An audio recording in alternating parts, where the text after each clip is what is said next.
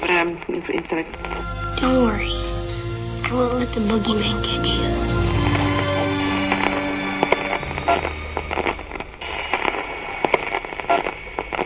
Sometimes when you're young, you have moments of such happiness, you think you're in some place magical. Like Atlantis must have been.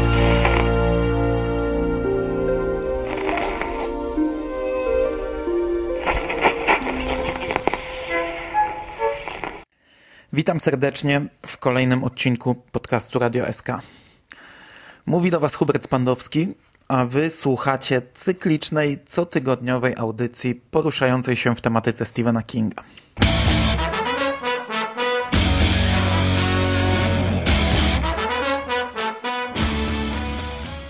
I dziś, po wielu recenzjach kiepskich, beklasowych ekranizacji i ogólnie raczej złych filmów, omówię jedną z moich ulubionych adaptacji tekstu Stephena Kinga, mianowicie Kraina wiecznego szczęścia.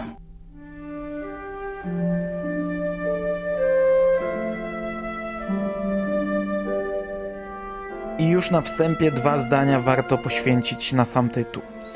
Mam wrażenie, że ja już o tym mówiłem podczas recenzowania książki Stephen King na wielkim ekranie, ale nie będę was teraz odsyłał kilkadziesiąt podcastów wstecz, więc zwyczajnie się powtórzę. A jest to dość skomplikowane, więc trzeba się skupić. Oryginalny tytuł filmu to Herz in Atlantis, czyli Serca Atlantydów. Przy okazji odsyłam do kwietniowego podcastu, w którym wraz z Grześkiem Labudą omówiliśmy tę książkę. A jest to w moim odczuciu jedna z najlepszych książek Stephena Kinga. W tym zbiorze znajduje się osobny, długi tekst o tytule właśnie Serca Atlantydów. Ale film Kraina Wiecznego Szczęścia, czyli w oryginale Serca Atlantydów, nie jest ekranizacją tego konkretnego opowiadania, a pierwszego tekstu ze zbioru, mini powieści pod tytułem Mali ludzie w żółtych płaszczach, co byłoby raczej głupim tytułem na film. Jeśli jednak ktoś kiedyś zdecyduje się nakręcić filmową wersję opowiadania Serca Atlantydów, to nie będzie mógł już użyć oryginalnego tytułu, bo ten został wykorzystany do ekranizacji Małych ludzi w żółtych płaszczach. Co ciekawe, w napisach początkowych nie mamy, jak to zwykle w takich przypadkach bywa, informacji na podstawie opowiadania, a jest na podstawie książki Stephena Kinga. I to robi się oczywiste już w pierwszej scenie, w której widzimy dorosłego bohatera dowiadującego się o śmierci przyjaciela z dzieciństwa, późniejszego weterana wojny w Wietnamie, Johna Sullivana. Już wiem, kim zostanę, gdy dorosnę. Magikiem. Będę wyciągał króliki z kapelusza. Nafajdają ci do niego. I tak byłbym niezłym draniem. Wraz z nim uczestniczymy w pogrzebie, cofamy się w przeszłość, przeżywamy wspaniałą historię, a następnie wracamy do rzeczywistości, gdzie na Bobiego czeka jeszcze jedno spotkanie. I to jest w pewnym sensie ekranizacja zamknięcia całego zbioru, czyli krótkiego opowiadania Zapadają niebiańskie mroki nocy, choć jest to jednocześnie zupełnie coś innego. I to spotkanie będzie niespodzianką także dla tych, którzy czytali książkę, gdyż twórcy filmu poprowadzili ten wątek zupełnie inaczej.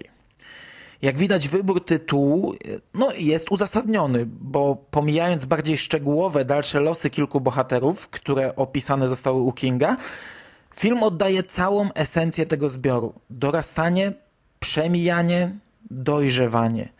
I robi to po prostu po mistrzowsku. Nie wiemy, kiedy odnajdzie nas przeszłość, ani dokąd zabierze. Oby było to miejsce, do którego chcemy powrócić.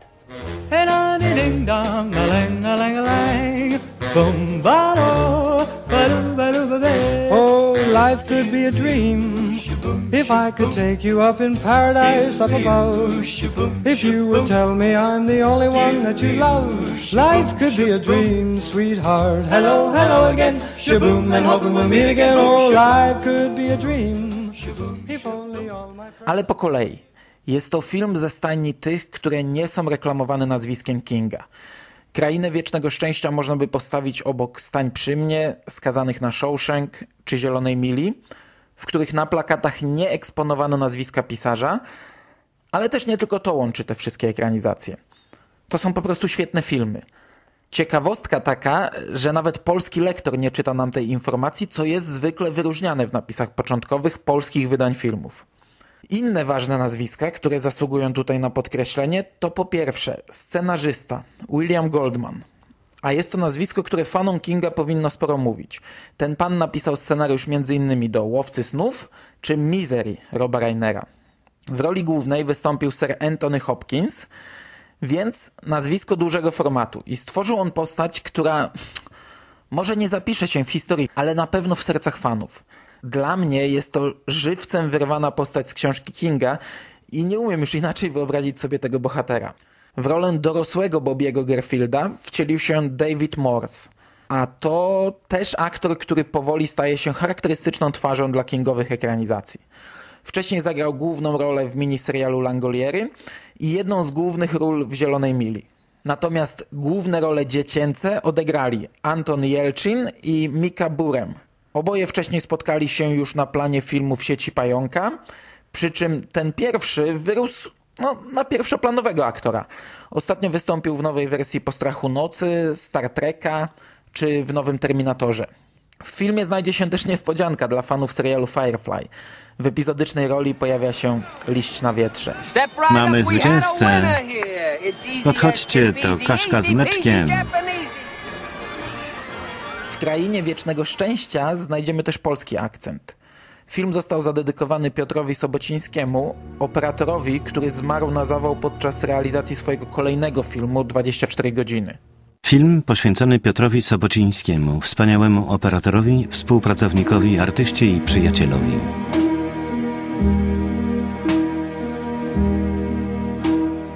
They ask me how I knew my true love was true.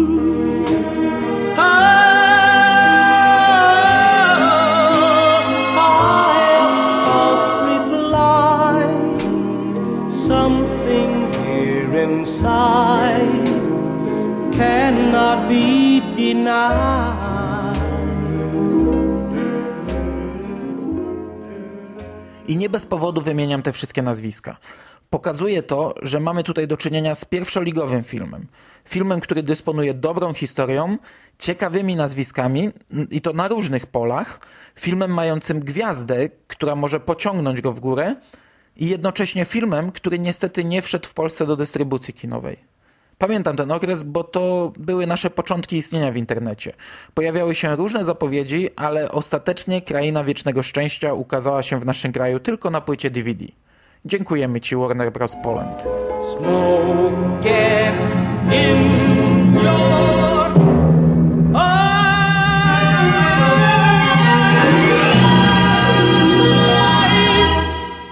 Przejdźmy jednak do samego filmu. I o czym jest ta historia? Tak jak już powiedziałem, główny bohater, Bobby Garfield, wraca do rodzinnego miasteczka na pogrzeb przyjaciela. Na miejscu czeka go przykry widok szarego, zapadłego miasta. Jego dom zmienił się w ruinę, okna są zabite deskami. Świetna scena, gdy Bobby podnosi zardzewiałe dzwoneczki i wiesza je na zniszczonej werandzie. My jednak przenosimy się w lata 50., by przeżyć letnią przygodę wraz z dziecięcymi wersjami naszych bohaterów.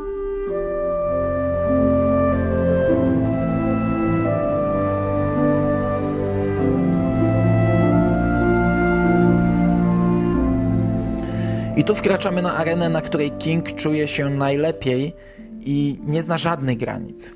Co ja już wychwalałem pod niebiosa recenzując książkę, a w tym przypadku mogę się tylko powtórzyć i zapewnić, że na tym polu konwersja książkowej historii do filmowej wersji przebiegła pomyślnie.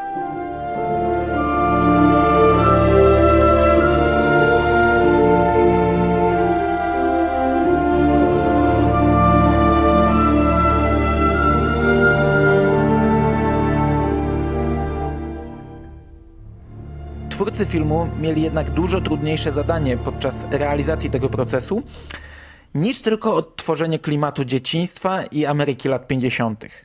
Serce Atlantydów to jest dość specyficzna książka w dorobku Kinga.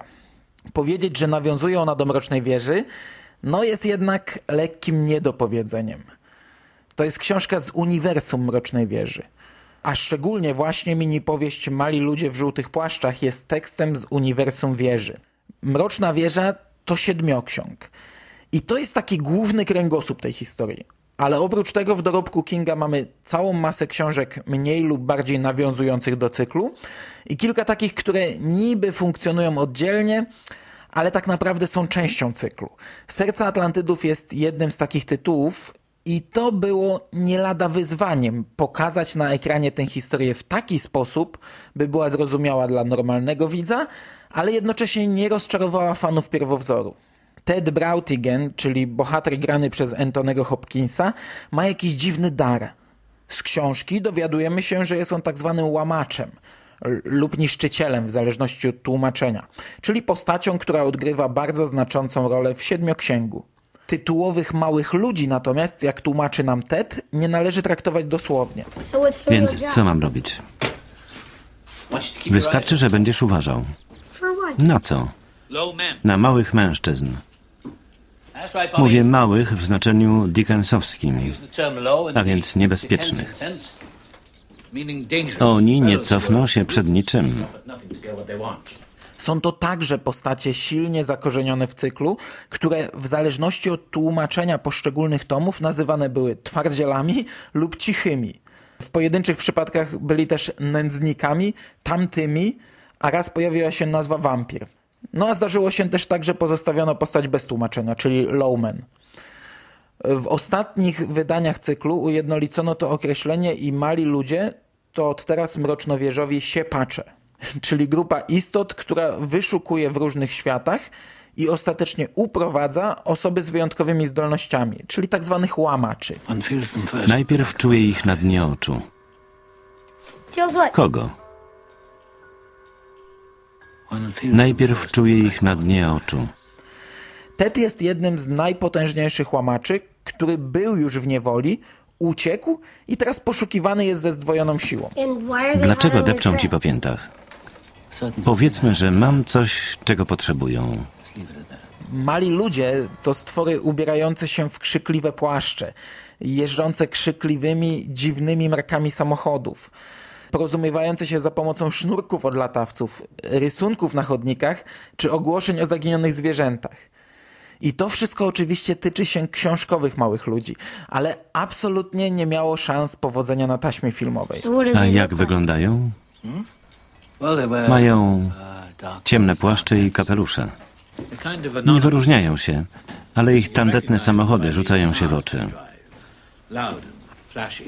Poruszają się zawsze w grupach, jak stado wygłodniałych zwierząt.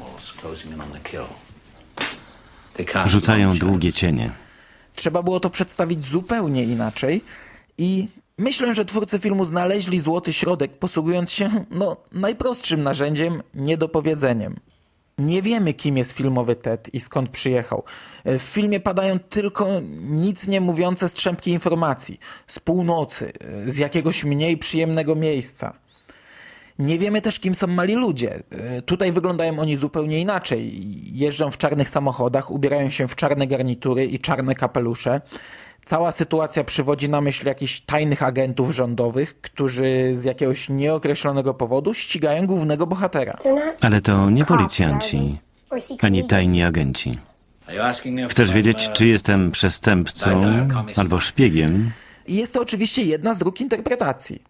Okay, mamy tutaj kilka dziwnych zachowań. Ted zdradza nam kilka tajemnic, często zawiesza się, wyczuwa zagrożenie, ale równie dobrze można to wyjaśnić w sposób naturalny. Dosłownie tylko w kilku momentach film ociera się o warstwę fantastyczną, którą ciężko już wytłumaczyć w logiczny sposób, ale to nadaje tylko tajemniczości całej historii. To oni. Schowaj się. Nie bój się. Musisz myśleć o czymś innym. O czym? Myśl o Karol. Przypomnij sobie coś miłego.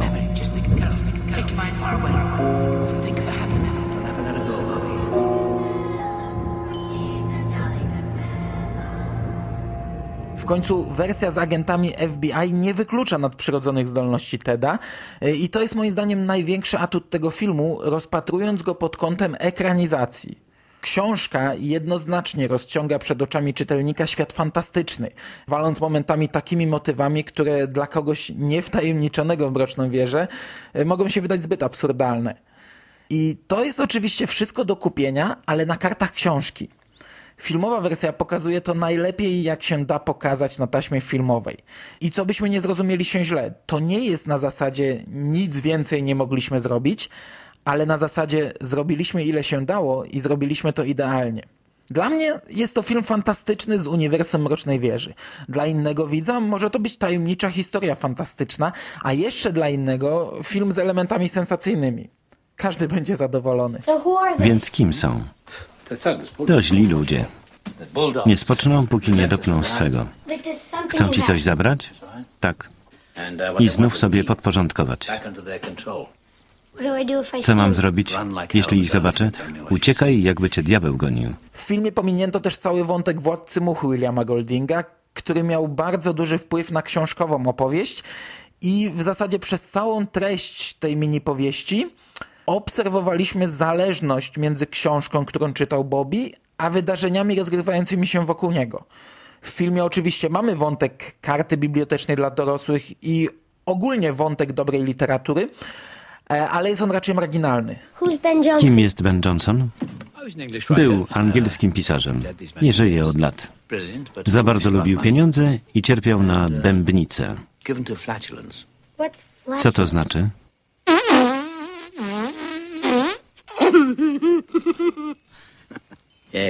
Dzieci zawsze to śmieszy. Sporo miejsca w tej analizie poświęciłem wątkowi fantastycznemu, bo jest to ważne przy tym konkretnym przeniesieniu historii na ekran. Ale tak naprawdę nie jest to najważniejsze w tym filmie. Tak jak powiedziałem we wstępie, Kraina Wiecznego Szczęścia oddaje esencję nie tylko tekstu, który przeniesiony został na ekran, ale całego zbioru Kinga. Pocałowałeś się kiedyś? Fuj. Jeszcze to zrobisz. Trzymaj się z daleka. Wszystkie pocałunki będziesz porównywać z tym pierwszym. Żaden mu nie dorówna.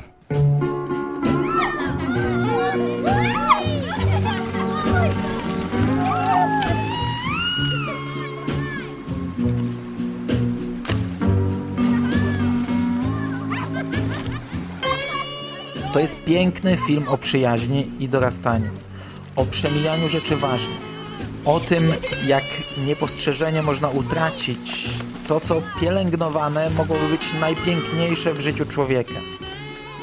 Niech podniesie rękę ten, kto kiedyś nie przeżył jakiejś letniej wakacyjnej miłości, nie obiecał, że będzie pisał, a teraz nawet nie wie, kim jest ta osoba, gdzie mieszka, z kim ułożyła sobie życie i czy w ogóle jeszcze żyje. To mój adres w Massachusetts. Napiszesz? Jasne. Ja też napiszę do ciebie. Na pewno będę tęsknił. Nigdy o tobie nie zapomnę. Ja doświadczyłem kilka razy w życiu czegoś takiego, że udało mi się odnaleźć po latach jakieś osoby, z którymi w wieku 12-13 lat na kilka tylko tygodni, na jakiś fragment jednego lata nasze drogi się połączyły. I z niektórymi takimi osobami do dziś zdarza mi się zamienić czasem dwa zdania, co jest szalenie fajne. Ale też mnóstwo ludzi nawet nie pamiętam z nazwiska, a mam przed oczami obrazy z przeszłości i są to dobre wspomnienia. Zaczekaj, nie mogę. Ja też cię kocham. Muszę zrobić sałatkę. Przecież ja w wieku 13-14 lat poznałem nad morzem kilka osób, które zupełnie nieświadomie przekonały mnie do Stephena Kinga.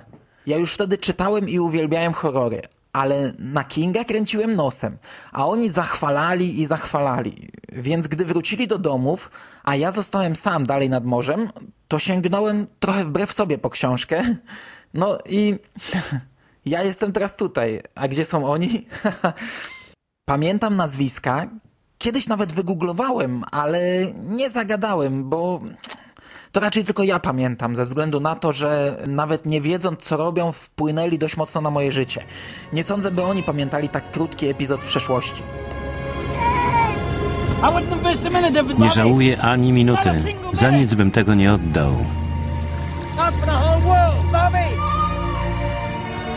Okej. Okay. I starczy tych prywatnych dygresji.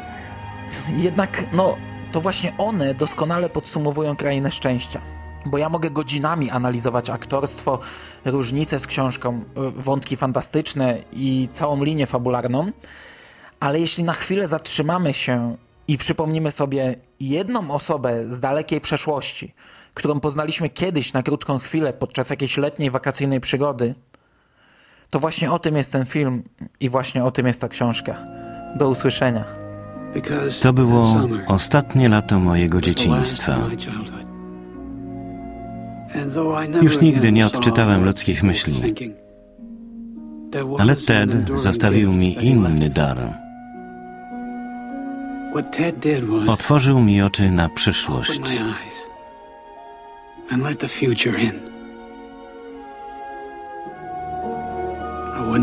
Nie żałowałem ani minuty. Za nic bym tego nie oddał.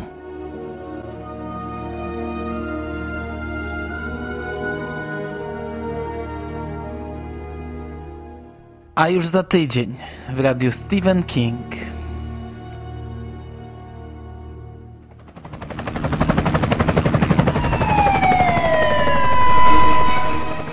Standardowo zaczynamy od książek. W tym miesiącu pojawiła się zapowiedź Stephen King zdobył kolejną nagrodę. A filmy zaczynamy od dość, no, dziwnej informacji. Kończymy blok wydarzeń książkowych, a blok komiksowy słuchacie podsumowania wiadomości z martwej strefy.